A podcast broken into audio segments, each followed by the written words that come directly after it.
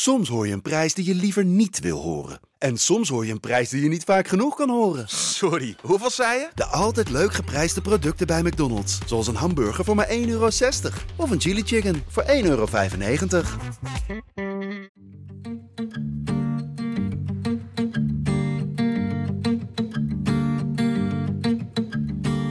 Maar jij, jij hebt sinds dat je voor ons recensies hebt geschreven, ben je- heb je ook een soort van carrière gemaakt als recensent. Ja, maar daar gaat het natuurlijk niet helemaal om. kan ook prima de juiste vraag stellen. Het is geen noodzaak voor mij, laat ik het zo zeggen. Eh, En die, ja, die beargumenteert goed. Die vind ik echt, eh, vind ik echt sterk. Ja, die zijn kwaad en die, eh, die zijn gefrustreerd. Anders had je bij zijn keel gegrepen, bedoel je te zeggen. Nou, dat moet iedereen zo zijn. Ja, het is niet anders.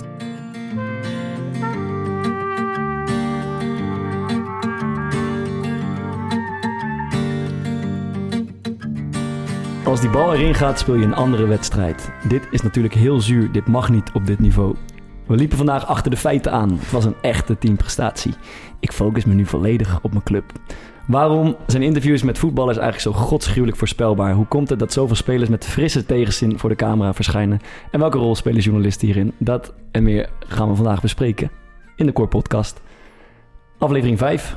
Boys, hoe eh, was de week? Kijk even naar Fokkert. Gaan we weer stilvallen met z'n allen? Nou ja, wat een lekker weekje op zich. Ja. Ja, man.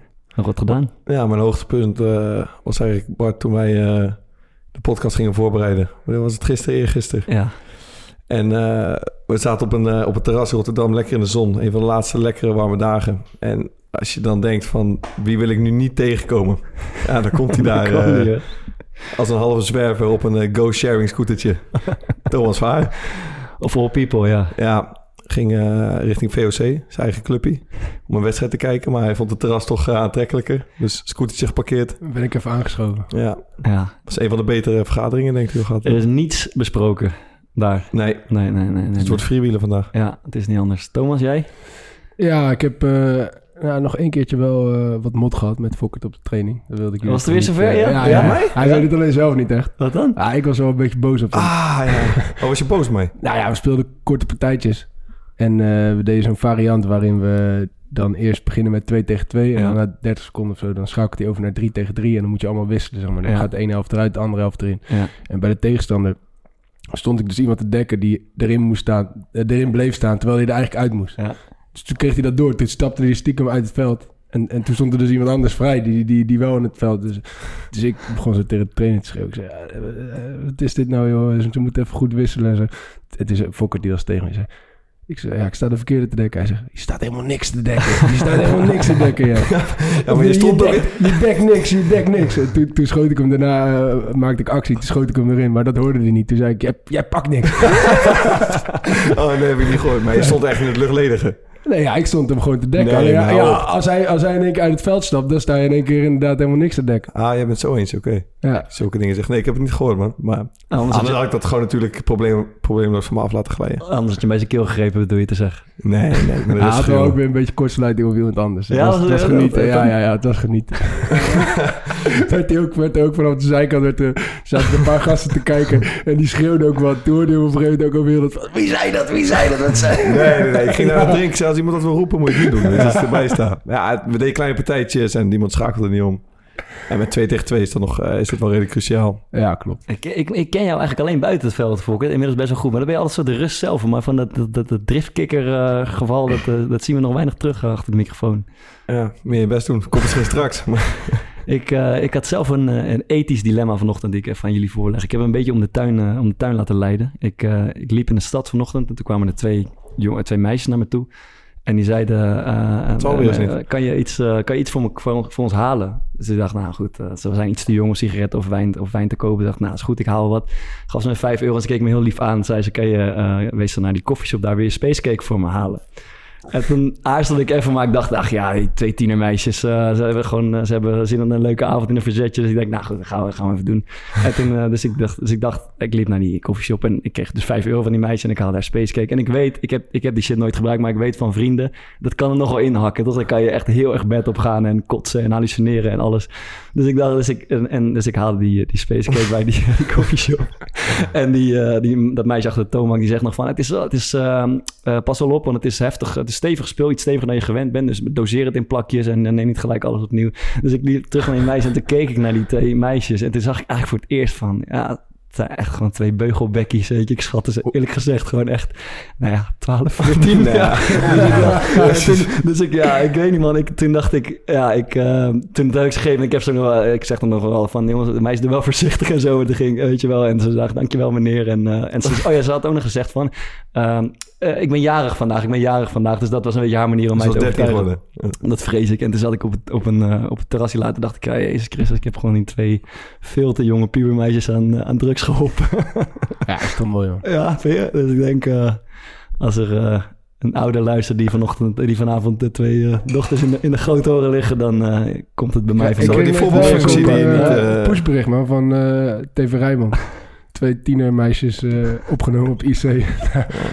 Na eten verkeerde, verkeerde Ik space weet, cake. had jij het gedaan voor ze? Hij kreeg in de groepsapp van denk ik ik, weet- ik, als ik echt had gezien dat zo'n meisje... eh, Nou ja, ze kwamen naar me elf- toe en ik dacht eigenlijk van... oké, die meisjes die, die, die willen wijn hebben of bier hebben. En ik zijn net die jongens, ik haal het voor ze. En toen eigenlijk op de terugweg zag ik pas van die beugeltjes. En dacht ik, ja, tering, je bent echt wel heel jong, man. En toen dacht ik, ja, misschien was dit niet de allerbeste actie van, eh, van de week. Ik- maar ik weet niet of ik me ervoor zou ook- laten lenen. het is was ook niet handig, man. Stel dat je à la Grapperhaus eh in één keer ongelukkig op de foto gezet Ik, wordt. in ja, ja, ja, in- ja. Ja, we hebben het vorige week over Ja. voorbeeldfuncties. Ja. En jij houdt een heel betoog dat je met goed gedrag en dat je het juiste moet doen. Ja, ja, ja, ik weet het, man. Ik had, eh, als ik een capuchon eh, aan had, dan had ik hem zeker over mijn hoofd getrokken. Maar dat zat er niet in. Zou je het nog een keer doen? Ik denk het wel. Ja, ik bedoel, eh, dat is ook best wel onschuldig. Ergens. Ja, ik denk het. Nou, ze waren echt jong toch. Maar goed. Eh, ja, jongens, eh, het is, mochten je een beetje een zenuwachtige indruk maken vandaag. We worden live eh, gerecenseerd. Ik zit te zweten. Ja, ik ook man. We zitten echt, eh, we zitten in het hol van de leeuw. Want we hebben een bericht gekregen van, eh eh van eh Joes 1986. We dachten even dat hij er niet meer was eigenlijk. En we dachten dat, dat, hij, dat hij ons geghost had. Eh, en voor de trouwe luisteraars, als jullie seizoen 1 hebben geluisterd, we hadden een, een één persoon die zich half anoniem op, op Twitter eh, voordeed. Eh, als de Core Podcast recensent. En die was vanaf dag 1 furieus en, eh, en, en, en kiezelhard. Maar die bleek een weekendje in Rotterdam te zijn eh, met zijn vriendin. En eh schuift vandaag eh, als publiek aan bij de podcast. ik wil toch even dat je naar de microfoon kijkt. Kom, Hij staat er niet zo niks, toch even bij. Want het was voor ons allemaal een beetje spannend, weet je. Wij weten niet hoe jij eruit zag. Jij kende ons nog niet. Ik dacht, is het nou, is het nou een cynicus of is die altijd echt... eh, doe even je zegje over, over de podcast. God, nou, nu weet ik dus eigenlijk niet zo goed wat ik moet zeggen. Ja, dankjewel. Wij, gooien, wij gooien iedereen voor de bus. Maar ik dus zit jij niet tegenover een drugsdealer dus. Ja, ja, ik vrees... eh, ik, nou, ik Ja, een ik- loopjongen, een loopjongen. Een loopjongen, een pusher. wat ik, ik vond het eh, super... iets, Dankjewel in iets ieder geval. dichter bij de microfoon. Jeetje, kijk, dat wil ik Ja, anders gaan weer mensen zeggen, je praat in de fles, eh, weet ik het. Amateur, Amateurs. amateur. Die was dus al bang voor, hè, dat het dus zal gebeuren. Maar eh, nee, zonder te rollen. Dankjewel voor de uitnodiging ten eerste. Superleuk, inderdaad. Weekendje Rotterdam. Ja, en ik moet zeggen, jongens, seizoen 2, ik probeer het eh, weer netjes bij te houden. Helaas wat drukker met werk. Ja. Maar eh, ja, het, eh, ik weet, je weet hoe het altijd gaat met jullie. De hoogtepunten zijn er, maar de dieptepunten zijn er groter. Eh, Nog dieper. ja, nee, superleuk om, eh, ja, eigenlijk als eerste toeschouwer. eh, en ik ben al een beetje bezig ook met Maarten te pushen om al eh, wat andere dingen voor jullie te gaan doen. Ah. Want ja, die, die podcast award die gaat natuurlijk Ah. eh, naar Rotterdam. Dan ben ik heel benieuwd, Maarten. Heb je Maar ons helemaal niet verteld. Achter onze rug om zit je Nee, grote op Twitter. kritiek-. Ik, ik ben kritiekasten, op Twitter en Joes Ah. loopt op Twitter heel erg te pushen voor Ja, dat is waar. de podcast awards. Ah, Dat is ja. waar. Ah, Joes, ik heb echt vanaf... Het, wij- ik zat altijd in een spagaat bij jou. We kennen elkaar niet, zoals gezegd. Van, is die nou is die serieus? Of is die cynisch? Of is die... Ik weet het, ik weet het niet. Misschien wil ik het ook niet weten. Wij hebben een paar keer, Bart, echt serieus eh, gedacht dat toch misschien ja, Thomas erachter dat zat. Thomas achter dit account zat, ja. Maar daar waren eigenlijk de, zeg maar, de recensies waren er gewoon te lang voor eigenlijk Ja. om, een, eh, om een grap te zijn. ja. Ja. Je hebt mij gedoopt tot de amateur bruggenbouwer en eh, rode... Wat is er nog meer? Rode populist. Rode ik Rode het rakker. Raker, zoals jij het zei. Ja, maar eh, ik heb wel het idee dat je wat eh, ingeteerd bent aan de laatste uitzendingen. Nou, er zit een stijgende lijn in. Ik, Ja. eh, toen net ook toen we binnenkwamen, toen eh, zei ik ook, het is leuk, tweede seizoen, jingles, het ziet wat professioneler uit. Ja. Het klinkt ook wat professioneler. Vorige week sto- stoof anders die hond eh, bijna hier onder tafel, dus dat, er, er is nog werk aan de winkel. Ja. Maar eh, ja, het, het zit gewoon een stijgende lijn in. Dus dan moet je ook als recensent even een stapje opzij zijn en scherp zijn als het moet. Maar je kan ook positieve recensies schrijven. Dat is ook Dat wel kan zo. Maar weet je wat het bij jullie is? Op het moment dat je iets positiefs zegt, dan zag je voornamelijk het eerste seizoen. Dan had je aflevering 1, dat was... Nou, jongens, dat hebben jullie zelf ook gezegd in de laatste aflevering, dat was niet zoveel. Aflevering 2, stijgende lijn. En dan krijg je aflevering 3. Nou, ik weet niet waar dan... je- dan zit hij in de SN, SN-dungeon of zo. Dus ik weet niet wat er allemaal gebeurt Ja, dan. dat is Bart's appartement. Dat, zou, op zich best zo kunnen, dat zou je best zo kunnen omschrijven. Kom het dichtst bij de SN. Ja, het, was, het was niet op een wedstrijddag, dus het was ook niet opgeruimd. Ja. Nee. ja, en ik moet zeggen dat ik... eh, ja, het is op zich het is heel erg leuk om te luisteren elke week. En Ja. Het is leuk om kritisch te zijn, maar ik weet ook gewoon dat jullie donders goed jullie best doen hiervoor. En ik kan Ja. me altijd kritisch zijn als mens en als persoon. Ik vind het leuk om een beetje met een cynische lach en een beetje een cynische toon een beetje een, eh, een podcast te schrijven of een recensie te schrijven.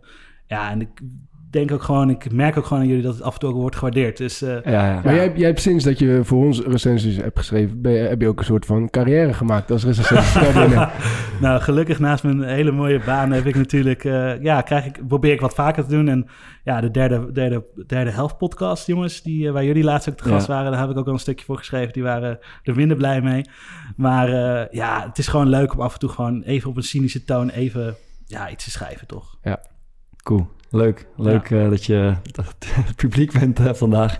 Ja. En eh, voor je, ik, vond, wij, ik vond het spannend om jou te ontmoeten. Is er andersom ook nog iets van spanning? Ik zie je weinig aan terug, moet ik zeggen. Je zit er totaal ontspannen bij. Maar... Ik denk dat het voor iedereen toch hetzelfde is. Ik ben heel open als mens. Ja. Ik denk dat het voor jullie ook gewoon zo moet zijn. Dat, Ja. weet je, het altijd nog een beetje awkward. Ik sta hier beneden, dus moet ik denken, pakket, ik had een cadeautje meegenomen van Thomas. Ja. Die, die kijkt dan heel awkward naar beneden en denk ja, dus, de- ja, het is de eerste keer gasten. Het, het heeft toch altijd als je moet voor de eerste keer. Heb je zelf ambitie om een podcast te maken ooit? Eh, nee. Oké. nee, nee, nee. Het zal, het, eh, nee, ik heb er ook geen tijd voor. joh. Als je het ooit wel gaat doen, je hebt alvast drie uh, recensenten. Ja, de druk, eh, dat is ook wel een beetje, hè, als je recent schrijft, dan zit je, leg je ook de lat zo hoog Ja. gelijk. Dus ja. Ik moet zeggen, ik zie nu voor de, en je hebt een imposante gestalte. Je hebt ook in de rugby je eredivisie gespeeld, eh, Ja. vertelde je net. Dus eh, we gaan eh, op onze woorden passen. Nou, hoeft niet hoor. Hebben we een mooi eh, rubriekje van eh, Maarten de Fokkert? Of, ja, het eh, wordt tijd voor, eh, het wordt tijd voor een, Zo, voor een ik- goed hier ben ik eigenlijk nog zenuwachtiger door dan eh, het feit dat Juice Ja. aan tafel zit. Was dit nou een goed verhaal? Is een terugkerend, eh, terugkerend zinnetje in onze, in onze podcast. be- En bedacht, Maarten- bedacht door Maarten Ja, zelf. zeker. En Ja. Maarten die kwam van de week. Nou ja, dus ik jullie, heb nou jullie toch... begonnen ermee natuurlijk Ik, eigenlijk. ik, Nee, nee, nee. ja, ja. de rubriek heb ik verzonnen, maar Ja. het kwam natuurlijk... Ik heb een keer een, een soort monoloog over sterren gehouden. en toen kwamen jullie met, eh, of Thomas, jij met de legendarische reactie van... eh, was het nou een goed verhaal? Ja. En jij zei nou van de week dat je toch een waanzinnig verhaal had. Dus wij gaan het... eh, we gaan Waanzinnig het- dat ik vroeg je zelf, want ik moet altijd oppassen met jou. hè. Nee, hij zei, toen, hij zei een paar weken geleden van ja, misschien een leuke nieuwe rubriek. Ik heb Ja. allemaal verhalen verzameld. En eh, ja, dat lijkt me wel leuk om dan één keer in zoveel tijd zo'n verhaal te vertellen. Ja. En dan mogen jullie met een soort buzzerknop uh, naar Een soort Hollands Got Talent idee is het. Zowel Thomas als ik hebben de, de buzzer bij de hand. En eh, als we het eh, verhaal eh, lekker vinden en goed vinden klinken, dan, dan laten we je volledig uitspreken. Maar op het dat moment dat, het ergens begint te rafelen, te ratelen, dan sluit ik niet. dan sluit ik niet uit dat de grote rode knop eh, Ja. gedrukt wordt. Ik heb wel Dus, een klein beetje interactie nodig man, voor, eh, voor mijn verhaal. Dus ik zou eigenlijk willen vragen of jullie allebei eh, Google Maps willen openen. Kan dat? Ja, dat is, dat is natuurlijk wel heel slim. Want als wij Google Maps openen, Ja, kunnen dat we die, is kunnen we die oprecht niet, niet meer... eh, eh. Ja, maar Bart heeft dan alsnog misschien toch wel op zijn... eh heeft bij Jos ook even Google Maps erbij. Ja. Oké boys, de wereldkaart eh, klopt niet. Hmm. Wisten jullie dat? Nee, maar vertel me meer. Ehm, heb je hem voor je, To? Dan kan Bart met jou meekijken. En dan heeft Bart misschien op dingen gewoon eh, op zijn laptop. Ehm, kijk even naar eh, Mexico, als je wil even uitzoomen. Ja. En nu naar Groenland. Ja. En als ik dan zeg dat Mexico zo'n 2 miljoen vierkante kilometer is... ja. Hoeveel denk je dan dat Groenland is? dat is Mexico. Dus Mexico. Groenland is eh, nou, een keer of eh, vijf, keer, vijf keer zo groot. Ja, Acht keer zo groot. Groenland is dus 100.000 vierkante kilometer groter. Frankrijk, gaan we nu naartoe. Frankrijk, Thomas. Even gewoon een klein globaal beeld. En eh, Namibië, dat ligt eh, noordwest van Zuid-Afrika. Mhm. Ongeveer even groot. Eh, eh, eh, Wat is groter misschien? eh, Frankrijk lijkt me... Groter. Nou, nee, Namibië. Iets groter, oké. Frankrijk 550.000 vierkante kilometer. Namibië ruim 800.000. Mm. Mhm. Eentje nog. Duitsland en Zuid-Afrika. Mhm. Ja, we zien het. We gaan verder. Het is voor de mensen thuis. Pak even Google Maps erbij. Ongeveer even groot. Duitsland 357.000 vierkante kilometer om eh, precies te zijn. Zuid-Afrika 1,2 miljoen. Hmm. Dat is gek, Dat is gek. Dat is gek. vond ik. heeft, iemand, heeft iemand een idee hoe dit komt? Mijn handen jeuken, Thomas. Ja, je mag drukken, maakt niet uit. Maar ik kan uitleggen hoe het komt. ik heb geen idee hoe het komt. Oké. dit komt. Je kan een bolvormig object, dus de aarde, al is het misschien niet... eh Thomas, geloof je dat de aarde rond is? Eh, eh, ja, ik wel, ja. Oké. Een bolvormig object kan je niet zomaar op een rechthoekig vlak plaatsen. Hmm. Snap je dat? Dus daar hebben ze een methode voor verzonnen. Dat noem je een projectie. En de bekendste projectie die we kennen is de Mercator-projectie. Stamt uit 1659. Ik zie het over die knop gaan, doe het niet. Ja, en Google Maps gebruikt deze ook. En het is eigenlijk in het noordelijk halfrond, Nederland, Europa, Amerika, is dit eh, de meest gebruikte. Waarom hebben ze dit gedaan? Eh, of nee, bij een projectie eh, komen altijd vervormingen kijken. En bij de Mercator-projectie komt dat dus in de grootte van het rad. ja. Pijnlijk. Ik mag mijn spreekbeurt niet afmaken. Nee. Nee? Ja, was wel, het is op zich interessant, maar Is het genoeg? het is niet genoeg. Ik had hem graag afgemaakt, maar ja, weet je, het zit er, eh, het zit Ja, er niet. misschien zat het venijn hem wel aan de staart, dat zullen we nooit weten. Nee, dat zullen we nooit weten. Ik zou wel graag de beurt eh, doorgeven aan Thomas voor volgende week. Eh, eh, dus ik moet volgende week... eh, Oké, interessant. Ja. Het slotoordeel aan jou. Laat me er even een weekje over nadenken, dan schrijf ik een recensie over. Oh, moedige rubriekje weer. Ja, goed. Nee, ik... eh, mag ik er wel bij zeggen, ik had hem ook niet verder voorbereid dan... Ik moest al een beetje freewheelen op het eind. Ik had hem natuurlijk niet verder dan de introductie voorbereid... Ja. omdat ik er eigenlijk vanuit ging dat jullie bij de eerste zin... eh, Je bent verder gekomen dan je had zelf had verwacht eigenlijk. ja, Goed. Nee, leerzaam. Echt, ja. echt ja, er zit wel Nou ja, serieus ik, een ik, ik leuk had echt de intentie om, om, om zijn verhaal af te laten maken, maar... Ja, ik, eh, ik geloof het niet. Als je er zelf niet in gelooft, dan, eh, dan wordt het hem ook niet, denk ik. Ja, ik geloof echt in dit verhaal, man. Ik zou hem ook nog... Weet je, man. Goed. Ja, we gaan Dus we verder. naar eh, het hoofdonderwerp van vandaag. De voetbaljournalistiek. Ja, en nog één dingetje. Heb jij Oh. wel eens... Weet je dat je dit echt elke week... Ja. Ik zit tot, dit is echt schitterend. Dit is echt... Dit is, dit is, ik heb het echt nu pas door, denk ik. Wat een gast. Dit, Nee, ja. elke, elke week als ik er zo aankom dat het regen... En ik heb volgens mij... Ik besef nu dat ik het echt na acht keer... Denk ik, echt, dit, dat heb ik nu pas door. Dat het iedere keer er tussendoor komt. Maar dat is gewoon een, een journalistiek trucje natuurlijk. Ja, maar- heb jij je wel eens afgemeld eh, voor een wedstrijd met een appje? Dit wou ik vragen Ah, ook bij, die, eh, bij dit AIDS Dilemma net. Van Sylvester van de Water bedoel je toch? Ja. Ja, eh, ja, nee. Ja, best ziek toch? Noemen jullie trainer bij de voornaam ook of niet? Trainer gewoon. Ja. Hij had gewoon geappt Frank. Hey Frank, ja. Ik, kom, ik kom morgen niet. En, en Frank had toch gereageerd van, eh, hoe bedoel je? Of zo? Niet meer gereageerd. Ook Maar hij was wel van plan om maandag te komen trainen. Ja, Ja, hij is toch fucking ziek, of niet? ja het is dus Ja. bezig met een transfer. Dat, Ja, dat is maar- achterliggende. Ja, weet alsnog- ik, dan maak ik het niet logisch. Maar dat is natuurlijk zijn beweegheden. Ja. Ja, nee, dat snap ik ook wel. Dat je... De, de, de- Ik neem aan dat zijn- een club... eh, Zij willen wat forceren, ook al zegt hij zelf van niet. En zijn zaakwaarnemer heeft waarschijnlijk gewoon tegen hem gezegd... eh, gewoon niet gaan. Maar dat kan ik ook nog wel begrijpen. Maar gewoon, ja, dan, dan je, Je kan, daar gewoon die- normaal over communiceren. Ja, ja, ja. Maar als hij had gebeld eh, of had gezegd van... nee, trainer, eh, dit en dit is aan de hand, ik, ik wil niet spelen... dan was het een netter eh, verhaal geweest. Waarschijnlijk heeft de trainer niet eens wat mee te maken met die impasse Nee. tussen twee clubs. Ja. En eh, jij werkt gewoon al een jaar samen. of Ja, het zal nog wel kunnen reageren of Ja. bellen of gewoon langs gaan. Ja, dan kan je als je gewoon eh zo Samen... spreken bij de trainer binnenstapt. Maar ik weet niet of je wel eens een interview van hem hebt gezien. Ja. Nee. Jij zegt is niet de meest verlichte geest. Nou, het verbaast me ook weer niet dat hij het op deze manier Nee? gedaan heeft. Nee. Ja, die interviews van hem zijn gruwelijk. Ja, echt? Ja. Kunnen we ook eentje van doen. Ja, daar kunnen we wel eentje, Ja, mooi, een ja. keer eentje laten zien. Wat is het voor, het- wat is het voor gast? Ja, ik, ik, Ja, ik heb het idee dat kan- altijd- ik kan het dus niet uitleggen. Want het is, Jawel, het hij gooit zeg maar clichés, ja, Ja. maar die passen niet bij de vraag. Ah. ja. Heb ik het idee altijd een beetje. ja, want hij heeft met Almere had hij dus ook... Bij de kreeg hij ook play-offs, keer die zijn vraag- ja, fantastisch. kreeg hij ook, kreeg ook een keer de vraag van... eh, ja, en, eh, hoe, hoe gaat het dan verder naar de play-offs? En toen, en toen gooide hij direct zeg maar, dat cliché erin van... Nee, ja, ik focus me nu gewoon op... eh, Ja. ja. dat is ook zo'n ding. Ja, op de club. Ik ben hier met mijn stand. Ja, Dus, ja, klopt. Ja. En nu we toch bezig zijn, van, van Mark Rutte... moet eh, de voetbalsupporter gewoon zijn bek houden. ja. Heeft hij gelijk? Ik vond, ik vond, ik vond gelijk, er staat gelijk een Thomas te denken. Ik zag dat vanochtend in hij zei in een, eh, in een, in een vraaggesprek met de RTL of zo, zei hij dus dit van, ja nee, ze moeten gewoon hun bek houden. En toen dacht ik gelijk een Thomas, of zou je dat dan, vind je dat dan weer ingestudeerd eh riedeltje? Nee, maar gewoon- jij denkt dat hij gewoon over het binnenhof liep... en dat hij dacht bij zichzelf van... Oh, hey, RTL staat daar. Ik ga, Nee, nee. Ik ga nu... eh, dat gebeurt toch? Hij, hij wordt aangeklampt door... loopt en door dan wordt ja, er gewoon ja, iemand Ja, en geeft hij dan altijd antwoord?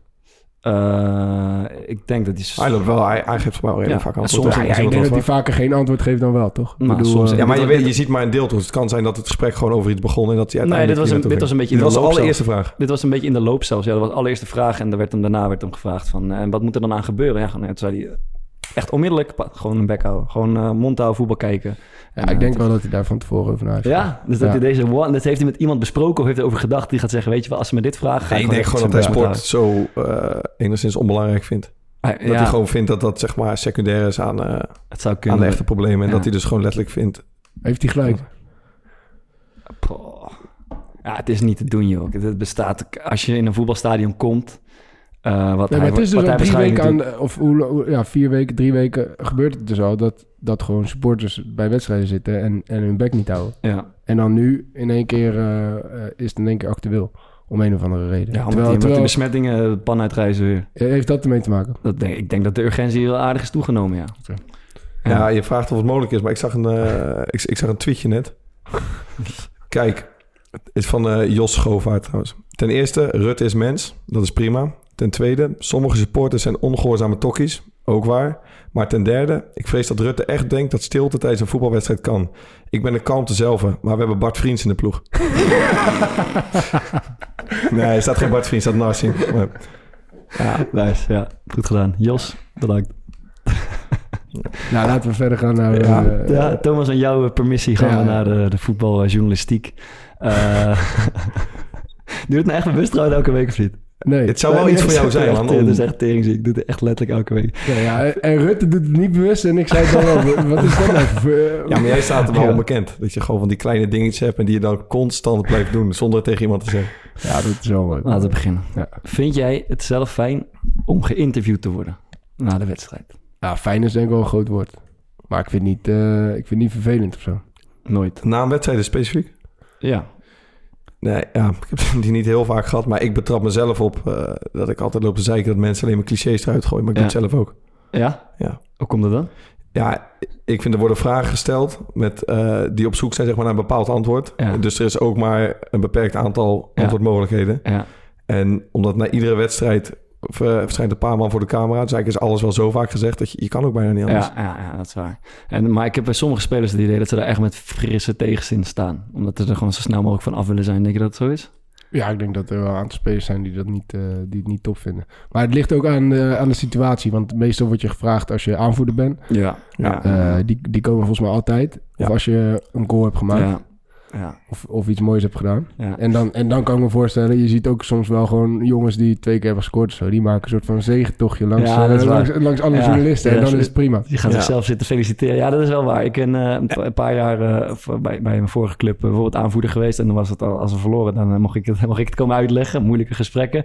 En als we hadden gewonnen, dan, is- dan is de doelpunt te maken aan de beurt. En die mag Ja. zichzelf op de borst gaan kloppen. Ja. Dat is natuurlijk leuk. Maar tegenwoordig is het toch gewoon een standaard aanvoerder? Ja, ik geloof dat... Ik weet niet of dat zo Na de is. wedstrijd is het standaard. Het is altijd de aanvoerder. Ja, ja, ja. Hebben ze nog in de rust dat die assistent trainer komt of niet? Nee, dat is wel een Heb je tijdje even gehad, toch? Ja, ja, Ja. klopt. Dat was een slecht, eh, dat was een slecht experiment, denk ik. Ja. Hey, hoe- wat, wat mij altijd opvalt, hoe, hoe denk je dat het komt dat die interviews van voetballers altijd zo voorspelbaar zijn? Dat het altijd op hetzelfde lijkt? Dat het Ja, zoals ik net zeg, er worden, zeg maar, er worden vragen gesteld. Ja, Ehm, en eigenlijk willen ze alleen maar dat je... Ze willen gewoon one-liners uithalen. ja, Het idee. ja. Ze zijn gewoon op zoek naar een aantal antwoorden. Dus ik heb altijd het idee dat zo'n ehm, report zeg maar, naar de wedstrijd... met een heel specifiek eh, of heel gericht die vraag stelt. Omdat Ja. hij gewoon wil horen als je verloren hebt van... eh kut, steek een hand in eigen boezem. ja. Eh, we gaan deze week hard Wat, werken. wat is de grootste dooddoener volgens jullie na de wedstrijd in zo'n interviewtje? De grootste dooddoener. Ja, als iemand de winnende goal heeft gemaakt... het gaat niet om mij. ja. Het is belangrijk dat we gewonnen hebben. Goals fijn. Ja, ik- Ik vind, ik vind we moeten ons eh, schamen. ja, dat is, ja, ja, dat is het leuk. Ja, dat is het mooiste. De mooiste interviews... Gewoon en een de- keihard trainen van de week. Eh, Ja, de, de, de irritantste en mooiste interviews zijn, zijn de, degene die...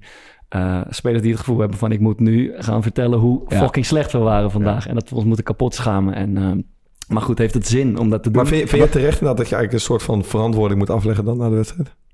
Ja, dat hoort wel bij je vak, toch? Dat, is toch, dat, dat, dat hoort toch gewoon bij Maar iedereen weet toch gewoon wat, je gaat zeggen?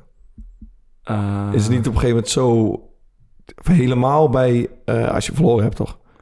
Er is toch bijna niemand meer die uit zijn schof, Nee. eh, slof schiet nu. Nee, de, Het is kijk, toch we moeten de koppen bij elkaar steken. eh, We moeten nu niet gek gaan doen, we keihard trainen. Ja, nee, kijk, spelers die, die censureren zichzelf gewoon. En Ja. dat eh, begrijp ik ook goed, want ja, alles is, inderdaad klopt gewoon wat je zegt. Ze zijn op zoek naar iets, iets eh, afwijkends, iets pijnlijks, iets bijtends. Ja. En als je, daarin, als je daarin meegaat, dan... dan Want dat is natuurlijk het ding, als je wat wil nuanceren, zeg maar. Dus je zegt een eh, zeg maar pittige uitspraak, maar vanaf die maar luisteren natuurlijk niet Nee, niemand meer. Maar het, het gevolg is dat je met je kop op eh, voetbalzone of voetbal primeur staat met die ene pittige uitspraak die je deed. En dan krijg je wel allemaal reacties op en dingen naar je hoofd geslingerd. En dan moet je soms bij de club op het matje gekomen van... is dat nou verstandig wat je daar gezegd hebt? Dus het gevolg is dat spelers gewoon heel defensief zijn en, eh, en, en, en, en zichzelf censureren. En ik denk ook dat sommige spelers zijn gewoon niet zo, vaar, zijn niet, zijn niet zo makkelijke praters in die zin. Mhm. En dan ga je misschien het snelste eh, spelers napraten die je op, op tv hebt gezien. En die zeggen al, die, die breken al die open deuren. Dus dan krijg je elke keer hetzelfde, hetzelfde, hetzelfde, hetzelfde. Denk ik. Ja, ik heb vorig jaar een interview gegeven na de wedstrijd tegen eh Helmond Sport. Dat was Ja. volgens mij de tweede, of tweede wedstrijd van de nieuwe trainer. Ja. En eh, toen werd ook een vraag gesteld over Ricardo Moniz. En, Ja, ja. En toen zei ik zoiets van, ja, bij Ricardo Moniz was het iedere dag... Hij vroeg het verschil, zeg maar, tussen Ja. Ricardo Moniz en eh Dijkhuizen. Toen, Ja. ja. Dat is bij Fox, denk ik. Als Ja, bij? Fox. Ja. Bij Ricardo Moniz was het iedere dag chaos. Het was, dat was geweldig. En, eh, maar ja, dat, eh, dat heeft niet het beste uit ons gehaald. Zoiets- Zo'n antwoord gaf ik. En Ja. toen werd ik vervolgens op, eh, op de website gezet. Verhaar, dubbele punt. Bij Ricardo Moniz was het altijd chaos. Ja, dat is Ja. zo irritant. Ja. Dus ja, je krijgt ook niet echt... Dat is precies, dan- dit is toch precies het voorbeeld zeg maar, wat ik net Ja. schets. Maar Ja. en dan krijg jij, dus dat krijg jij op je bord. En, dan, en, en, en het gevolg is dat je eigenlijk iedere keer weer iets minder gaat openen Ja. waarschijnlijk. Toch? Ja, ik heb, ik heb, ik heb toen, eh, dit, eh, ik lees nu even terug uit het gesprek met, eh appgesprek met Ricardo Moniz. Ik heb hem gelijk een appje gestuurd. Ik zei Ja. van ja, dit, ik Ja, weet ja. niet of, of je dit ziet, maar dit is niet hoe ik het heb, eh, ja, ah, hoe ik het heb gezegd. Ja. En toen kreeg ik ook zo, volgens mij zo'n wereldbericht. eh. Hij stuurt je altijd mooie dingen. Ik vind het ook echt leuk dat jij nog een soort... Jij hebt echt nog een beetje een... eh, ja, hoe kan ik het een vriendschap noemen? Thomas, kom maar. De pers heeft wat ze willen. Laat gaan. Belangrijker is dat je gewonnen hebt. Hou je tijd, pingelaar. Je hebt dit wel vaker met hem, hè, dat je nog even... Ja, maar laatst was hij op de, op de Instagram van eh, Sparta. Stond er een foto van hem met, eh, met Louis van Gaal. Toen, toen, maar we, we zaten te discussiëren of, Of het hij, hem was, of ja. hij het was of niet. Ja. En, eh, en toen zaten we André Hoekstra, die voetbalde ook in die tijd. Die zei van, nee, het is iemand anders. En eh, ja, toen zijn wij opzoeken. Dus ik dacht, nou, ik ga het gewoon... eh, en toen, toen stuurde ik naar hem die foto. Met, met, met de vraag, bent u dit? Stuurde hij, ja, schilder. Daar passeer ik wederom van Gaal niet af te stoppen. Hoe kom je aan die foto?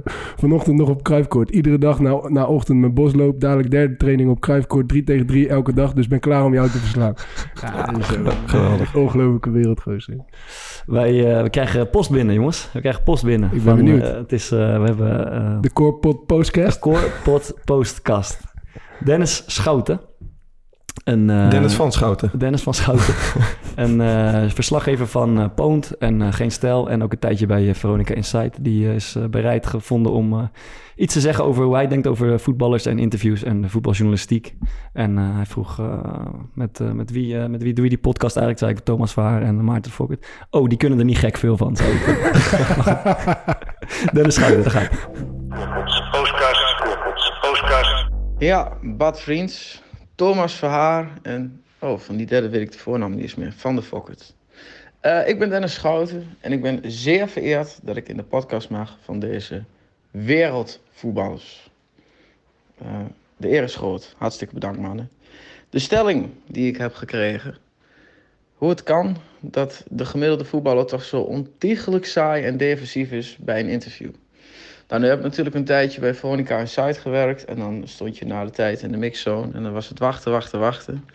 Kijk, en als je dan bij een clubje komt vanaf jullie niveau... dan mag je nog zelf kiezen wie je spreekt. Maar kom je bij de top drie, dan, eh, dan is het helemaal dramatisch. Dan krijg je er één of twee toegewezen. Kijk, ja, weet je, aan de ene kant is het wel logisch. Ehm, want in principe hebben voetballers alleen maar dingen te verliezen. Ken nog twee goede voorbeelden. Bijvoorbeeld naar de bekerfinale van Willem II Ajax. Jonas Peters, die zei... eh, ja, die was eigenlijk woest dat hij was gewisseld. Eh, nou, is direct zijn aanvoerdersband voor een wedstrijd kwijtgeraakt. Ik wist nog, Mark Diemers, die eh, had ik een keer voor de camera. En toen eh, ontlokte ik hem een uitspraak dat Sittard, wat natuurlijk wel waar is, een verschrikkelijke stad is. Toen had hij direct een mediaverbod. Dus ja, weet je wat het is? Je kunt het als voetballer ook eigenlijk niet zo gauw goed doen. Want ben je leuk en grappig, dan vindt de club je al gauw irritant. En krijg je gedoe, tenminste wat ik heb gemerkt. En... ehm, ja, ben je verdedigend en defensief en heb je eigenlijk niets te melden, dan, ja, dan staan de journalisten er voor niets en hebben de mensen niks aan. Dus eigenlijk weet je, ja, het voegt zo ontzettend weinig toe. Ik snap wel dat ze het doen, maar ja, ja ik, je hebt als voetballer gewoon niks te winnen, denk ik. Het leeft eigenlijk altijd maar gezeur op. En ik heb ook het idee dat als ze er staan, dat ze er vaak helemaal geen zin in hebben. Dan heb je natuurlijk ook nog mensen die echt eh, het heel bot maken. Dat was bijvoorbeeld een Memphis Depay, een ervaring die ik met hem heb gehad. Toen uh, het was volgens mij naar Nederland-Frankrijk en Nederland had verloren. En toen liep hij langs me heen. En toen wou hij niemand spreken. En dan nou, was arrogant en draaide zich daarna weer om. En toen tikte hij me aan om me wel te condoleren met een vriendin die was overleden. Dus daaruit merkte ik ook wel, voetballers hebben er eigenlijk ook de meeste eigenlijk helemaal geen zin in. Dus ik vrees dat het niet beter gaat worden. En dat is ook een van de redenen dat ik het niet meer doe. Niet meer doe. Er is geen eer aan te behalen. Het is geen reet aan. Mannen, succes met die podcast van jullie. De Schouten, er is geen eer aan te behalen, er is geen reet aan. Neemt in ieder geval geen blad van de mond. Nee, nee, nee. nee. Maar zo, Zo, Jezus. wordt emotioneel van. Nou, eh, goed, Dennis Schouten, hij zegt eigenlijk... eh, voetballers hebben eigenlijk niks te winnen, alleen maar te verliezen. Ik weet eigenlijk niet of ik daarmee eens ben, als ik eerlijk ben. Want je hebt natuurlijk ook...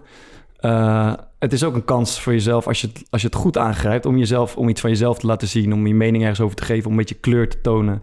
eh, om je ook als iets meer dan alleen een voetballer te tonen... om een... eh, Ja, maar hij heeft het nu wel volgens mij over gewoon direct na de wedstrijd. ja, dat kan toch ook. Ik, heb, ik, heb zelf, ik vind het zelf voor- bijvoorbeeld prettig. Ik heb bijvoorbeeld een keer een eh, rode kaart tegen Willem II gehad. Dan slo- sloeg ik iemand op, op zijn mel, al dan niet per ongeluk. En dan kan je het laten lopen. Er werd, daarna wordt je gevraagd om een interview. En dan zijn er altijd wel per chefs of mensen die zeggen van... ah, misschien beter van niet, laat het even rusten. Of je kan ervoor kiezen van... hey, ik, ik vertel even hoe ik erover dacht, waarom ik het gedaan heb... of, eh, of ik het terecht vind of niet. En dan kan je toch, dat, dan kan je toch gewoon uitleggen wat er is gebeurd. Ja. Dan kan je toch alleen maar... dan- Daar heb je toch wel wat mee te winnen, juist. Ja, er zijn maar, wel maar dat zijn situaties dus uitzonderlijke eh, momenten waarop, waar- waarop dat zou kunnen. Ja, Ik heb één keer gehad dat ik niet mocht na die, na die eh, penalty die ik miste in de laatste seconde. Ja, dat ik maar- ruzie kreeg. maar Toen mocht waarom niet mocht Ik, ja, toen- ik wilde ook graag voor de camera komen. En ik had ook gewoon prima gezegd. Ik had ook helemaal niks ledigs gezegd over eh, medespelers. Ja. wat dan ook. Bon, joh.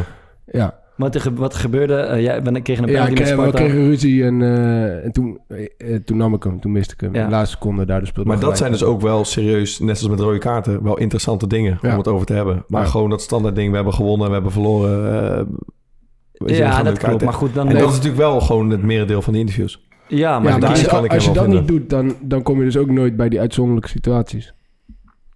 Ja, Je kan moeilijk, zeg maar, eh, er wel iedere keer staan als, eh als Ja, reporter. is, maar eh, alleen op het ja. moment dat iemand een keer een rode kaart krijgt... en, en, daar, daar een beetje normaal over kan praten... of Dat zou lekker makkelijk dat zijn. dat dan alleen, alleen dan, ja, alleen Ja. dan geldt. ja. Of ook als je... Ik bedoel, als je voor, jij denkt veel na over voetbal, toch? Als je verloren hebt, dan Ja. is het ook voor jou een kans om te zeggen van... hey, mensen, misschien hebben jullie het verkeerd gezien... of misschien Ja. hebben jullie het goed gezien... maar dit en dit is, is het wat er denk ik aan de hand is... en dit was het plan en dit hebben we zo uitgevoerd. Het is toch ook een kans om te laten zien van, eh, van hoe jij erover denkt... en mensen misschien iets bij te brengen over het spel en zo. Ja, nee, vind ik ook. Dus ik denk eigenlijk niet... Alleen eh, het is wel moeilijk hoor. Het is wel, het is wel eh, om- moeilijk Ja. om dat direct naar je eigen blijkbaar in de praktijk eh, gebeurt dat niet heel veel. Nee, maar ik denk ook dat veel, spelers er moeite mee hebben. Om, Ja. eh, om- en, en misschien de media wel snel als een vijand zien. Inderdaad, wat, wat hij ook zegt, wat, waar we het net over hadden. Dat, je, ja, dat ze op zoek zijn naar een, Ja. een scoop en misschien een verhaal. Wat, misschien wat- is het voor jongens als ons ook wel, al zou het in mijn geval misschien na die eh, rubriek van net niet meer zeggen, Ja. eh, wat makkelijker om met de media te praten. Maar Waarom? nou, omdat wij verbaal denk ik wel oké zijn. Ja. En we, het ook niet, we voelen ons denk ik niet al te snel eh eenmaal niet door de media aangevallen. Nee. als iemand een keer een kritische vraag stelt. Ja. En er zijn natuurlijk ook wel veel jongens die misschien een beetje grootgebracht worden met het idee van eh, ze willen je neersabelen en ze Ja. willen je alleen maar dingen ontlokken. Ja. Terwijl dat helemaal misschien niet Maar altijd er, zo is. ja, er komen wel echt een hele hoop eh on- onzinfilmpjes Ja. online daardoor. Ik kan Ja. me nog voorstellen, eh, toen, nou, dat doen ze volgens mij bij ons niet eens meer altijd, maar TV Rijnmond doet, deed dat altijd de dag voor de wedstrijd, kwamen ze gewoon altijd bij de clubs. En Ja. dan eh deze soort van voorbeschouwing. En dan werden er altijd twee, drie jongens eh, en de trainer werden geïnterviewd over Ja. de wedstrijd. Ja, heb ik ook een aantal keer tegen hun gezegd van ja, ik begrijp niet waarom jullie dit doen. Nee. Volgens mij kijkt hier helemaal niemand naar. Nee. Nee. Ja, dat is, maar zo is er creëer gewoon wel wat content. Het is, een, het is gewoon een raar spel en, en dat schetst hij wel goed, denk ik. Eh, van ja, als je, als, je, als je defensief bent en saai bent, dan, dan, dan eh, vindt de journalist het niet leuk en is de luisteraar niet tevreden. En als je heel Ja, erg dat vond ik best wel goed uitgesproken- uitgelegd van uitgesproken en, en, eh, en eh, gepeperd bent, dan krijg je, het zelf, dan krijg je zelf een draai om je oor uiteindelijk. Dus ja, welk, welk doel dient het dan gewoon? En dat is waarschijnlijk gewoon inhoud vullen, want er moet Ja. iedere dag maar weer wat over gezegd worden. Heb jij een mediatraining gehad? Nee, ja, dat is wel grappig. We, Je hebt de hele studie voor gevolgd, man. dat is waar. Maar dat is wat je dus eigenlijk steeds hoort van... nou, die gasten zijn doodgemediatraind... en die hebben, eh, die hebben het allemaal aangeleerd... dat ze dit soort dingen moeten zeggen. Maar ik heb nog geen seconde in mijn leven mediatraining gehad. En jij volgens mij ook niet, of Ja, ik heb, eh, Echt? toen ik bij Willem II speelde, eh, bij Jong Willem II, toen zijn we een keer met de hele groep eh, uitgenodigd bij de hogeschool van eh, Oh ja? Tilburg. Ja, Daar hebben ze zo'n eh, opleiding journalistiek. ja. hebben ze ook zo'n hele, hele televisiestudio nagebouwd en weet ik het wat. En die hadden dus in de weken daarvoor, waren ze al één of twee keer bij onze wedstrijd geweest. En toen hadden ze eh, bij een aantal jongens na de wedstrijd eh, interviews afgenomen. Alsof ze gewoon een televisieploeg waren. ja. Dus gewoon eh, zonder dat een beetje Ja. in de cover, zeg maar. Hadden ze toen bij Virtual van Dijk gedaan, denk ik. En, en nog andere jongen. Ja. En, en, en die, die dingen die werden toen, daar werd toen op teruggeblikt. En daar werd juist eigenlijk ons aangeleerd, soort van...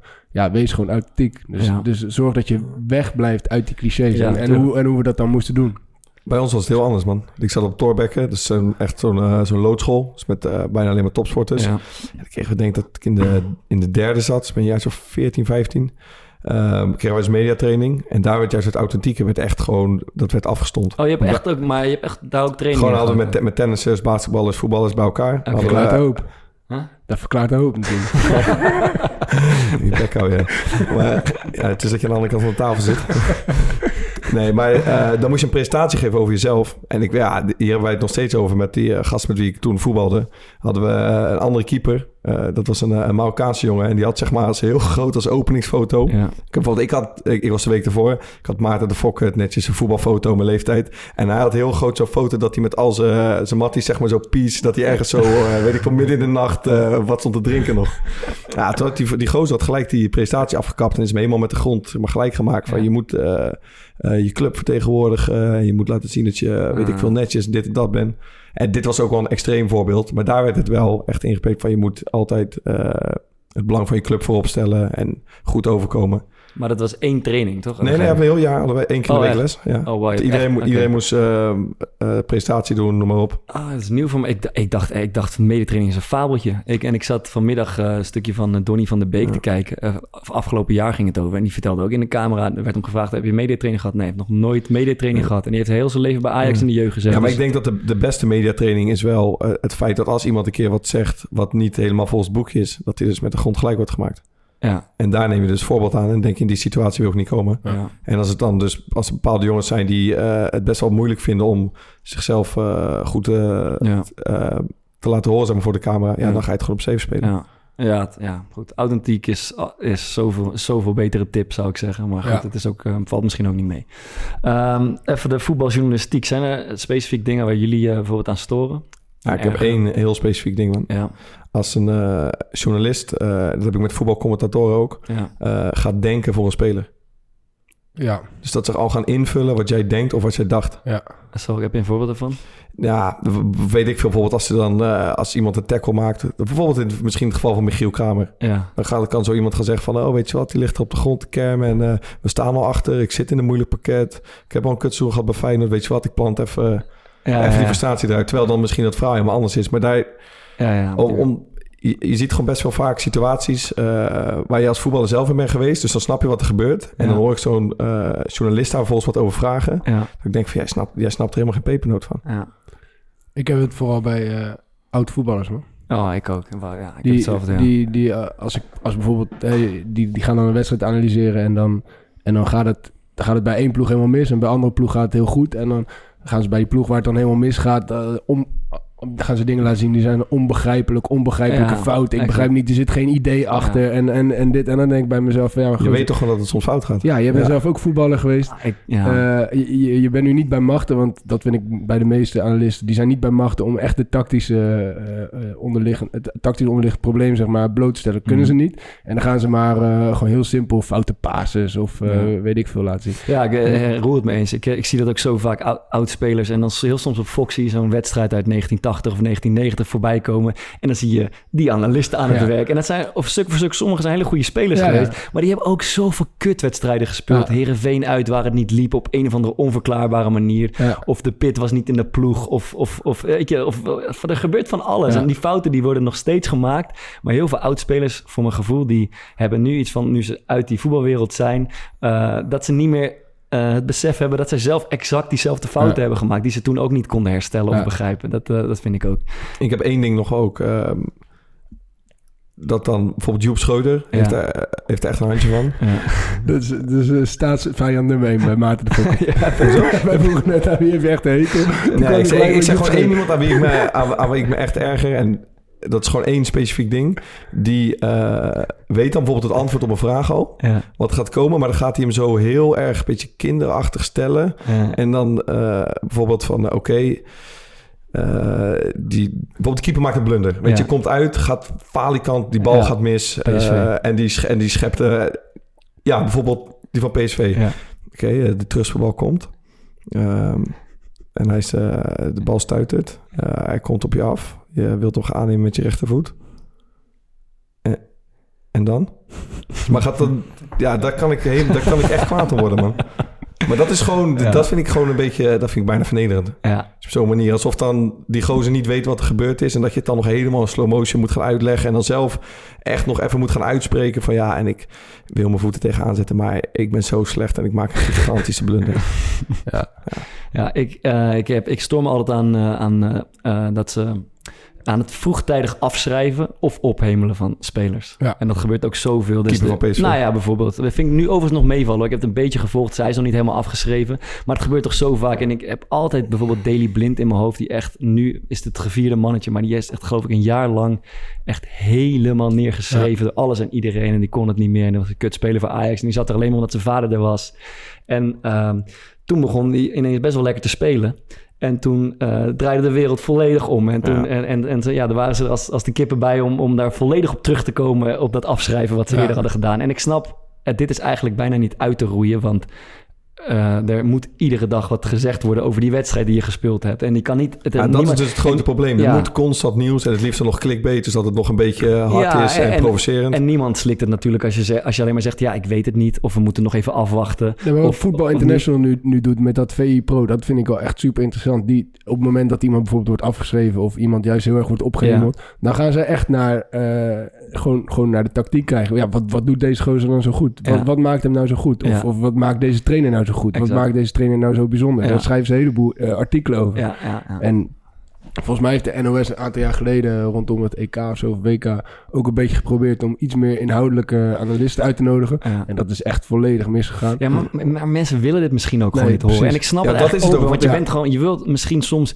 lange analyse en nuance is gewoon niet spannend, weet je. Ja, Soms. maar er is denk ik ook geen eh, tekort aan zeg maar, diepte in de, qua voetbaljournalistiek. Maar Maar, het is het is gewoon, gewoon het, gewoon direct na een wedstrijd... Ja. of zo'n wedstrijd voorbeschouwing of nabeschouwing... daar lukt dat gewoon vaak niet in. nee. En dat is gewoon puur wat je zegt... ook omdat mensen er waarschijnlijk niet op zitten te wachten. Nee, En dat, je- dat kan niet iedere dag. nee. En ja, bijvoorbeeld AD... Ja, je, je moet toch iedere dag voetbalnieuws hebben. Ja, ja, exact. En dan ga je maar, ja, en, en dan moet je maar eh, kort, dan moet je maar die wedstrijd van gisteren bespreken. En als je kut was, was je kut. Maar ja, ik mis soms gewoon een beetje de, de nuance. Maar aan de andere kant begrijp ik gelijk dat dat niet interessant is voor, eh, voor de lezer en de Ja. luisteraar.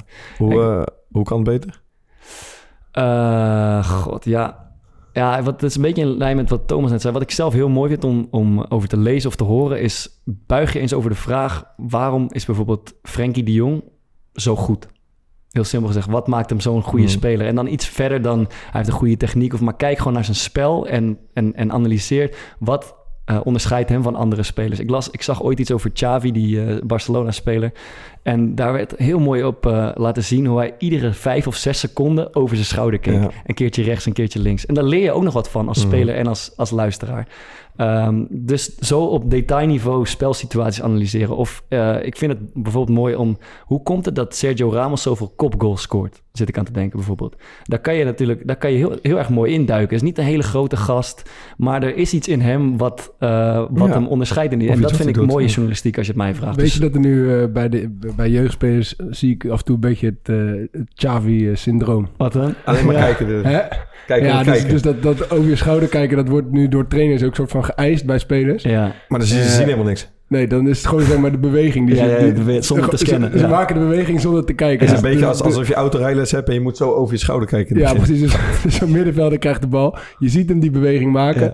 En vervolgens kan hij doordraaien, maar draait hij toch terug. Want hij zag het niet. Nee, want hij, heeft helemaal- hij heeft helemaal niks gezien. Hij, ja. heeft wel de beweging Hij gemaakt. draaide zo over, maar hij zag Ja, het niet. ja, Ja, ja. Ja, het is een begin. Maar dat, dat is dus weer wat ik net zeg. Qua diepte. Ik denk op zich dat zulke verhalen best wel zijn. Ja. Maar dat is natuurlijk geen oplossing voor Nee. hoe het na de wedstrijd even iets... eh, Nee, dat, kijk, dat, kan. en dat is niet op te lossen, denk ik. Dat soort dingen. Of denk je van wel? Ik vond wat dingen bij, bij ons Alex Pastoor altijd deed Ja. wel goed. Die, die haalde altijd eerst de hele ploeg in principe eh, terug naar de kleedkamer. Mhm. En dan bespraken we daar een soort van eh, met z'n allen wat wij van de wedstrijd vonden. Ja. En dat was ook eigenlijk wat we naar buiten uitdroegen.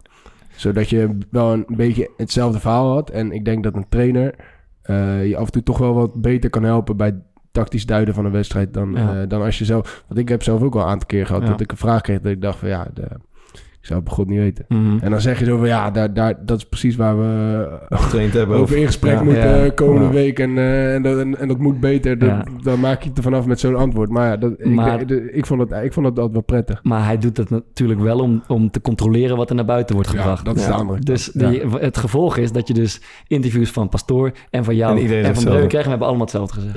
Ja, ja klopt. Kan jij er niet gestaan, Bart? Ik, eh, Ik ik, krijg je weer een beetje misschien een gesprek. Ja, ik, vind, ik vind dingen wel goed, man. Eh, Adil, eh, eh, die vind ik echt goed na, Ja? de, na de wedstrijd. Ja, die is, die is, die is super eerlijk. ja, En, en die, ja, die beargumenteert goed. Die vind, ik echt, eh, vind ik echt sterk. ja. Nee, Bart, als jij nou bij onze wedstrijd komt en jij gaat de vraag stellen. Krijg je weer een beetje Ja, spelers jij, onder jij hebt elkaar. een master media en journalistiek Ja. op je naam. Jij maar het is maar, het is maar misschien heel, heel, heel stom Nee, gezegd. kijk, het, het interesseert mij ook niet, als ik heel eerlijk ben. Dus dat is, eh, ik, kan, ik kan het niet beter dan die gasten die het nu doen. Je, bent Eh, hier, je hebt hier wat ervaring opgedaan als presentator, als vragensteller, als interviewer. ik, eh, ik, weet, Ja, ik, ik zeg toch, als je, je speelt maar één dag in het weekend. Hoezo benadert Fox jou niet voor dit? Ja, ik begin hier net zo te hakkelen als ziet- Thomas voor. Maar Want je ziet bij ons toch ook dat, ja, toch weet je, voetballers onderling. Dan krijg je toch wat meer op tafel. En dan heb je misschien niet de hele tijd die vragen dat je alleen maar wil horen van... eh hey, we klappen er weer op met z'n allen. ja. Je bent ook niet te beroerd om iemand erop te wijzen als die alleen maar clichés eh uitgaan. Of iemand voor de bus te gooien. Daar ben je zeker niet te beroerd Ja. voor. Ook Nee, als er een buzzer bij is. Weet je, de nieuwe Hans Kraai junior kan Ik zou volledig Dennis Schouten gaan gewoon. Maar eh, sorry, ik ga gewoon even door. En wat ik, ehm, kijk, waar, wat ook wel belangrijk is. Krijgt hij nee. Eh, gewoon, het is een moeilijke opgave, maar je kan natuurlijk, je moet op zoek gaan naar eh, authentieke sprekers in de voetbalwereld. Ik heb, kijk, Jurgen Klopp bijvoorbeeld, dat is, daar kan je toch eindeloos naar luisteren. Ja, ja. Die kan, als hij over voetbal, en hij heeft natuurlijk ook zijn kop en zijn charme mee, maar als hij over voetbal praat en Ja. zijn taal mee, dan hang je, hang je aan zijn lip en je leert er ook nog wat van. En Ja. het moet toch ook te doen zijn om in Nederland een vergelijkbare type te, voor, de, voor de camera te krijgen? Of is dat bestaan, zijn die gewoon zo uniek? Ja, ik denk dat Jurgen Klopp wel eh, uniek is. Ja. Ja, toch? Is er in Nederland een trainer waar je echt graag naar luistert? Een van jullie twee? Nee, vind ik, vind ik even lastig. Jij? Heb je ook iemand om waar je dan specifiek wel naar kijkt... omdat je weet dat hij niks zinnigs gaat zeggen? Eh, eh, nou ja, wa- wat ik, wat ik wel het mooi vond was bij eh, de, de trainer van, eh van Pex Wolle, eh John Stegeman. Roberto. Die, ja, daar, daar is altijd mooi te zien dat als hij heeft gewonnen, dan staat er een compleet andere persoon dan als hij heeft verloren. En, eh, en, en, en ja, daar heb ik wel regelmatig eh, dat, ik, dat ik dacht van ja, als, als ze wedstrijd hadden gespeeld, ik ga toch nog even het interviewtje kijken. Hoe staat hij dan als hij gewonnen heeft? Ja, dan staat hij een beetje zo nonchalant met zijn handen, ha- handen in zijn zakken, weet je wel. Een beetje heb het allemaal onder controle. Een beetje zo naar boven te kijken. En, achterover eh, geleund. Ja, ja, ja. ja. En maar je ziet gewoon heel zijn houding, eh, zonder dat hij überhaupt, eh, heb je ook maar eh, naar een woord geluisterd wat hij zegt, zie je of hij heeft gewonnen of verloren. ja, dat vind ik schitterend. Jij? Nee man, niet echt ook niet eigenlijk. zo goed. En wat ik ook mooi vind bij... eh, Ja, ik had onze oude Moniz, noem ik hem weer. Dat was, eh, zijn interviews waren altijd vuurwerk. Ja. Ja. ja. En ik, ik vind eh, bij Sparta, Henk Vrezen vind ik ook mooi. Die zegt altijd eh, nogmaals. en dan zegt hij daarna iets wat hij helemaal nog niet heeft gezegd. Ga ik opletten. nu. Heb je trouwens, eh, ik denk, eh, we hebben het net over mediatraining gehad. Ja. Eh, er is natuurlijk één, één tactiek die heel veel jongens die eh, wat mo- eh, moeilijker vinden om eh, voor de camera te komen aangeleerd krijgen. Ja. En dat is de vraag herhalen. Ja, oh, die is zo mooi. Eh Ken het Vermeer. Kenneth Vermeer, ja. Oh, Ja, ken die toch niet? Nee, Oh, ja, dit is een video, die kunnen we af eh, posten ook. Dat- Ja, die kunnen knippen we er gewoon in zo meteen. ja, ja, dat kan. Ja, ja. Die heeft gewoon het voor elkaar gekregen over 50 keer. Of weet ik veel ja, hij doet gewoon, Gewoon echt bijna bij iedere vraag. En dan is het eh Kenneth, vandaag 2-0 verloren. Wat vond je ervan? 2-0 verloren, wat ik ervan vond. maar zo heeft hij wel. eens. Je pakt vandaag een paar goede ballen. Je bent belangrijk voor de ploeg. Belangrijk voor de ploeg. Ja, Zo gaat het dan de hele tijd door. is echt Ja, fantastisch. dat is echt grandioos. Ja, ik dan- vind het ook zo mooi dat dat aan iemand is opgevallen en daar een Ja, compilatie van ja, ja. maken. Je moet wel echt tevreden geweest zijn toen hij zelfs zijn video voor het eerst Ja, terugkeek. ja, ja, dat doet hij goed. Wat voor jou het mooiste moment geweest? Voor mij het mooiste moment. Wat is daar zo lastig aan? Wat is daar zo lastig aan? Wat zijn jouw plannen voor de winterstop? Voor de winterstop. Is dat nou lekker voor jou of vervelend? Lekker of vervelend. Hoe is deze transfer tot stand gekomen? Tot stand gekomen. Probeer het eens. Probeer het eens. Ik wil graag een buitenlands avontuur. Wat vind jij? Wat ik vind? Een transfer in de winterperiode is, is, is denkbaar. Is denkbaar. Ja, of het denkbaar is. Ongelukkig of slecht verdedigd? Ja, ongelukkig slecht verdedigd. Hey, eh, bestaan er lijntjes, wordt wel gezegd, tussen voetballers en, eh, en journalisten? Is dat iets wat eigenlijk voorkomt? Je bedoelt dat je... gewoon veel contacten met een journalist. Ja, dat, eh, dat de journalisten Ja, ik van speel, ik heb een, eh, ja, ik weet niet of ik een vriend kan noemen, maar die, eh, ja, die werkt bij, bij Rijnmond. Ja.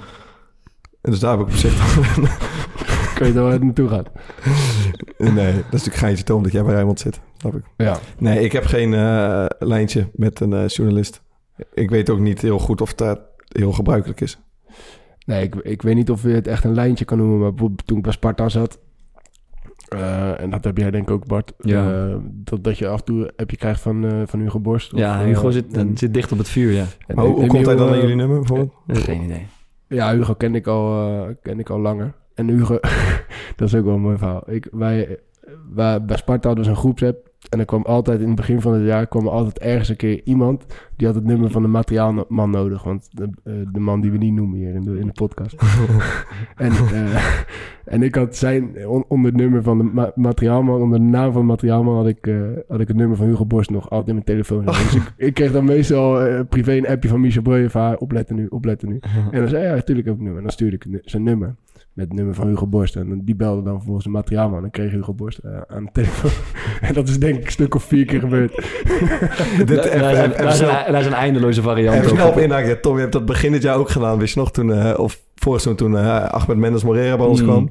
Die moest kaartjes hebben. En toen had Thomas, zeg maar, eh, David was het denk ik. Ja. Of Noelle, die werkte op kantoor bij Excelsior voor Ja. de kaartjes. En Ja. had hij dat gedaan met, met het nummer van Michel Breuer. Ja. Maar nu zie je soms, als je met Thomas bent en dan wordt geappt door Michel Breuer, dan komt er nog steeds zo in zijn eh, balk David kaartjes extra.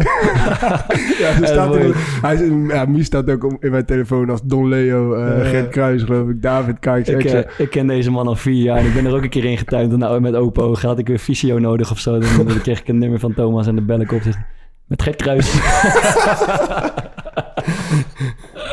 We hebben dit trouwens ook gedaan. ehm, eh, bij Go Ahead Eagles was het ook een geintje. En toen kwam die weer Stegenman, daar is die. Die kwam nieuw. Ja. Eh, ja, ja, dat bij Go Ahead. Dat was het jaar dat ik al weg was. Maar toen zaten we nog wel in die groepsapp.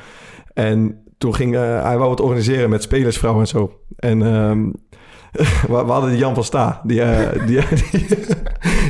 Dus toen had, had een van de spelers die nog was... die had zeg maar... je moest het telefoonnummer van je vriendin invullen. Ja. En dat hing dan daar ook. Ja, dat, gaat, dat kan natuurlijk helemaal niet. Dat iemand het nummer van Jan van Sta. dus die vrouw, volgens mij, als ik het goed herinner, van Stegenman, ging dat eh, regelen. Dus die belt, zeg maar, de vriendin van, weet ik veel, Pieter Langendijk op. En dan kreeg ze Jan van Sta aan de lijn. ja, dat is toch super. We zijn ook lekker kinderachtig. Ja, dat zijn mooie geintjes. Maar, ja, maar zo is Hugo denk ik ook aan een hoop, hoop van onze telefoonnummers ja, gekomen. ja, ja, ja. Eh, en hij fixt het altijd wel. Maar hij, hij, ik denk niet dat hij gebruikt het niet eh, voor journalistieke door. Ja, want hij stelt je niet vragen van, uh, gaat ja, hij, hij is gewoon weg? heel of... emotioneel betrokken. Dus ik krijg af en toe, uh, ik, ik krijg af en toe uh, een boos, een boos Ja. appje. Bart, jij een, een, een Neil Petersen misschien, Lijntje? Nee, ik, ik, moet, ik heb het ook een keer uh, geprobeerd en dan gaf ik het nummer van Dick Advocaat. Dero Duarte had me, had me in de gaten. ah, goed. Uh, misschien... was wel mooi geweest. Ja, dat is heel mooi. Maar goed, uh, om het uh, af te sluiten. Een, uh, een geslaagd interview, een mooi interview uit de sportjournalistiek. Is er iets wat, wat jou naar boven komt? Ja, het is een heel uitgebreid interview ja. um, van Tom Egbers met Edwin van der Sar. En Van der Sar zit dan zeg maar op het uh, echt toppunt van zijn carrière bij United. Ja. En um, ik moet eigenlijk goed zeggen, het is gewoon een, uh, een mini-documentaire. Ja. En hij zit dan op dat twijfelpunt van... Uh, moet ik nou gaan stoppen of nog doorgaan? En hij hikt er tegenaan om te gaan stoppen. Ja. Maar dat gaat ook gewoon ontzettend de diepte in. En dat neemt zijn, zijn, zijn, levensloop ga je langs. Maar je begint met het punt waar hij nu is. Zeg maar, ja, top of the world. Beste keeper van de wereld, vond ik ook ja. op dat moment. Ja.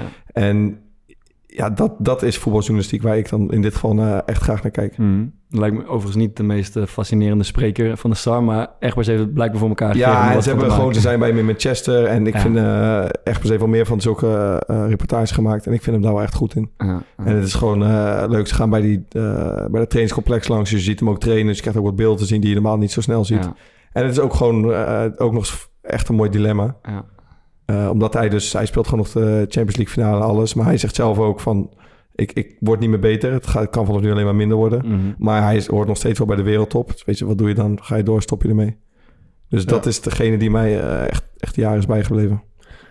Ja, ik denk gelijk aan uh, Holland Sport, uh, dat, uh, dat programma. Daar hebben we ja, het wel met z'n drie over gehad. Ja, dat vond ik zo grandioos goed. Ja.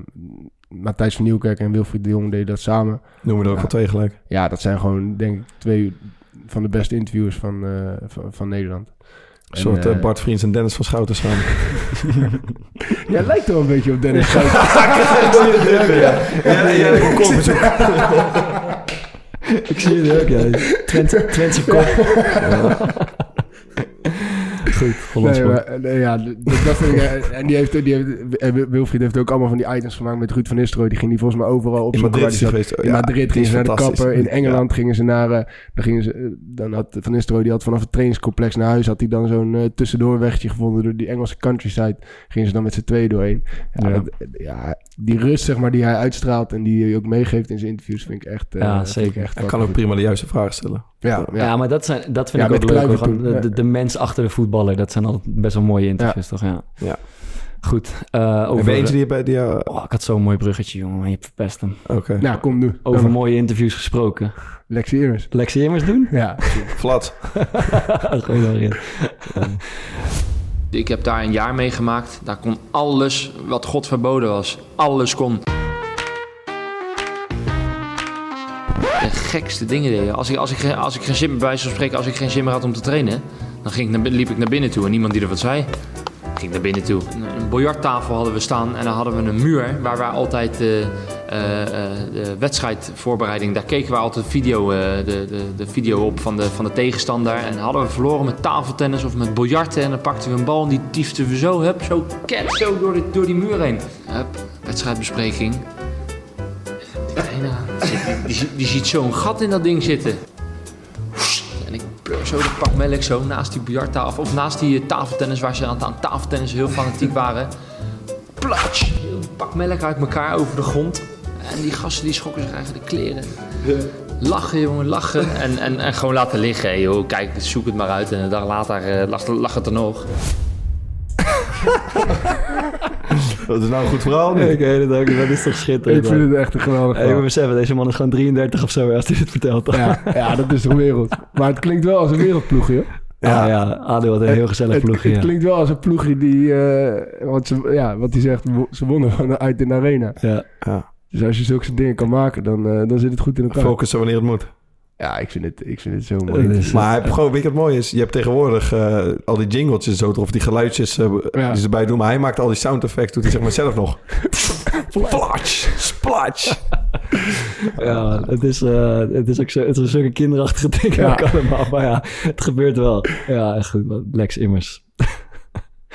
goed, zullen we afsluiten met eh, een soortje aanraders? Ja. Heeft Joes nog een mooie aanrader? Ja, oh, dat zou zo goed zijn, Joes. Ja, nou, ik zat net even trouwens naar het interview. Ik vond het van Van Bommel met Derksen. Ja. Ik weet niet of jullie dat moment kennen dat hij voor de eerste keer die, eh, die actie van Robben zag. Dit meen je niet. Ben je serieus? Ja.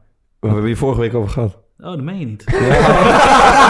Zie je, ik ben er even uit geweest. Dit is essential. Ja, dat hebben we vorige week als interview Ja, gehad. nou goed. Ik heb hem geluisterd vorige week, maar goed, nogmaals druk geweest. Je bent, Excuses. je bent Joes. Ja, sorry. Ja. Maar eh tippies. Ja. Ja, ehm, ja, ik heb net eh, die documentaire gezien van, eh, op, ehm, op eh, Apple TV is dat. Ik vind dat trouwens een van de dingen waar jullie wel aan moeten werken. Af en toe even aangeven waar je het Mm. kan zien. Ja, mm. Eh, Apple TV, ehm, dat zijn gesprekken met eigenlijk alleen maar sportgrootheden. Van wat hebben ze nou gedaan om uiteindelijk daar te, te raken? Je vallen me even met de vraag, dus ik kan het even niet Mm. de titel zo 1, 2, 3. Ja. Maar dat vind ik wel mooi, want we praten echt die topsporters. En ik denk als je net kijkt van ja, wat, wat maakt iemand nou goed in sport? Ja. Ik denk als het er simpel uitziet. Weet je, daarom maakt het gewoon iemand goed. Omdat het gewoon er simpel uitziet. Met Messi denk je ook van ja, eh Frenkie de Jong. Het ziet er allemaal simpel uit en daarom zijn ze gewoon goed, denk ik. Cool. Gaan we even opzoeken hoe die heet. Dan kan je misschien zelf tweeten. Ja. Eh, mijn eh, tips sluiten er best wel bij aan. Ik heb een boek gelezen van Malcolm Gladwell afgelopen weken. En dat heet Outliers. uitblinkers heb ik gewoon in de Nederlandse versie gelezen. En die eh, het is echt een razend interessant boek. En die onderzoekt eigenlijk eh, precies waarom mensen uitblinken en succesvol zijn. En het probleem is dat wij succes altijd associëren met een combinatie van talent, skill, genen en hard werken. En dan is het heel erg logisch dat diegene komt waar die komt. Maar hij haalt het volledig onderuit eigenlijk. En, en laat, de, laat de rol van eh, geluk en toeval, maar ook gewoon wanneer je bent geboren. En je hebt het geboortemaand-effect bij voetbal bijvoorbeeld. Het is, of bij allerlei sporten. eh, waarin eh, blijkbaar heel veel professionele spelers uit in januari, februari, maart zijn geboren. Omdat ze, nou ja, daar hebben het later wel een keer over. Maar of de, het jaar waarin je bent geboren. Het gaat niet alleen over sporten, maar ook over Bill Gates en Steve Jobs. En ehm, ja, op een hele verhalende en interessante manier haalt hij eigenlijk volledig dat. eh, of ja, neemt hij dat eh, idee van succes onder de loep. En eh, ja, dat was echt eh, was tof om te lezen. Het heet Outliers van Malcolm Gladwell. Hughes heeft de naam gevonden. Hughes, zeg het maar. Het is eh, Greatness Code. Oké. Super, Mooi. echt. Cool. Onder andere LeBron James, Tom Bradley, ja, Alex Morgan. Mhm. Dat is echt eh grootheden uit de sport. Nice. Mooi. Ik heb eh, ja, ik, een televisieprogrammaatje. Lekker man. Ik heb hem zeker gekeken. Vertel. Eh, hoe heet het? De beste zanger van, eh, van Nederland. De beste zangers, ja, De beste zangers. Stef Eh, Bos. ik ben er normaal gesproken niet zo'n fan van, maar eh Stef Bos zit er nu in. En dat heeft toch voor gezorgd dat ik, eh, dat ik ben gaan kijken. En die was afgelopen week, eh, stond eh, Miss Montreal en eh, werd in de, in de spotlights gezet. Ja. En Stef Bos die eh, vertaalde een nummer van eh, Jerry Rafferty. eh, en eh, Ride Out of Line of zoiets. En eh, dat was echt werelds gedaan. Ook gewoon, je ziet ze, ze gaan altijd janken daar, Ja, altijd. Ja, ja. Ja, constant. Maar je zag gewoon hoe hij zeg maar, haar aankeek en, en hoe hij het deed. Ik, ja, het kwam best wel... Ik vond het echt eh, super oprecht. En, eh, en toen begreep ik ook... eh, hij had dat nummer ook zo vertaald dat het ook op haar sloeg, zeg maar. Echt en eh, prachtig nummer. En eh, Miss Montreal zelf had, denk ik, een week of twee geleden... eh, voor eh Digidex... eh, Ja. Het nummer van Extins. Viervoeters. Ja, en die man. was ook fucking... En ze rapte hem Sowieso- vloeiend, Sowieso hè? dat nummer van Extins, Ja. viervoeters, is, is gewoon, ja, is gewoon, ja, is gewoon, eh, ja, het moet gewoon in het Nederlandse eh, archief, want dus, Uh-huh. dat is gewoon echt eh, zo'n mooi nummer. Maar zij deed, zij deed fucking goed. Ja, heel en, knap. en ze stotterde natuurlijk, dus ze, Ja. ging- ze, ja, echt gruwelijk. Ja, dat was vet. Ik wil een nummertje aandragen eigenlijk. Dat mag. Maar ik vraag me wel af, want ik natuurlijk, eh, weet je, als goede vriend en eh, collega volg ik jullie uh, afspeellijst. Maar jullie deden, zou toch allebei een elftal altijd doen? Ja, want ik, ik- zie nu ja. elf keer Thomas Vaar staan. Ja, ik, versle- ik, ben, eh, ik ben aan het verslappen, man. Ik kwam eh, halverwege de maand eh, september achter dat ik mijn eh, elftal nog moest indienen. En toen dacht ik, ja, het is nu een beetje mosterd naar de maaltijd. Ik laat hem een maandje lopen. Maar Ik kom ik niet meer op het wedstrijdformulier. nee. nee, maar ik luister Dus altijd wel die even. opdagen, die Ja. van vriend. Ja, Drie punten minder. Ja. Hoe heet het, eh, hoe heet het lijstje, Toon? Dan moet ik toch nog een keer pluggen. Eh van haar en vriends, elftal van de maand. Spotify. Ja. Ja, want ik kijk altijd even als er nieuwe nummers zijn. Dat, ja, het meeste eh, vind ik niet zo eh, goed. Maar er zitten altijd wel twee of drie nummers bij eh, die me echt eh, pakken. Mhm. En eh A Comet Appears was het deze keer. Dat ik hem echt gelijk hoorde. Dat ik dacht, oké, dit is goed. De Shins. Sinds, ja. Ja, dus daar zou ik graag mee willen afsluiten. Mooi, doen we dat. Eh Joes. Johan, hè, eigenlijk. Ja, Hey, is ook nog een schel. Waarom ben je anoniem eigenlijk op Twitter? Je heet gewoon Johan Ja, eigenlijk. ik denk dat... Ik, ik- ja, ik heet gewoon Johan. Er komt nog een bus voorbij. Daar komt hij hoor, de trein. nee, ehm, nee het is natuurlijk, ik denk dat het een beetje door jullie is. Eh, Normaal kan je hem gewoon naam, normale naam vinden. Maar ik denk, ja, nu was het wel grappig om dan door te zetten, weet je. Omdat, ja, Ja, hij je schreef Op een gegeven moment- recensie. Je schreef ik toch ben- niet sowieso ja. positiefs, dus het is altijd wel makkelijk Nee, om maar die recensie, eh, ik, ik denk dat ik die, dat, dat accountnaam heb ik echt eh, aangemaakt toen ik, eh wanneer de eerste ja, appeltjes er waren. Nou, en dan, ik had, wist niet eens dat die naam er nog was. en jullie waren er al aan het hakkelen. Ja, denk ja, dit moet je dan doorzetten. Dus daarom heb ik nou gewoon onder use, ben ik nu een recensie aan het schrijven. Vet. Sterk. Ja. Leuk. Kunnen we je ook eigenlijk normaal op Twitter vinden? Of niet? Eh, nee, ik ben niet van de social media, echt niet. We zien de recensie van volgende week graag tegemoet. Eh tof dat je, dat, je, dat je even kwam buurten. Ja, dankjewel dat ik hier eh, mocht zijn. Echt leuk om te zien. Een keer. En eh, luisteraars, bedankt voor het luisteren. Tot volgende week. Groetjes. Close your eyes to corral a virtue. Is this fooling anyone else? Never worked so long and hard to cement a failure. We can blow on our thumbs and posture, but the lonely are such delicate things. The wind from a wasp could blow them into the sea with stones on their feet, lost to the light and the loving we need.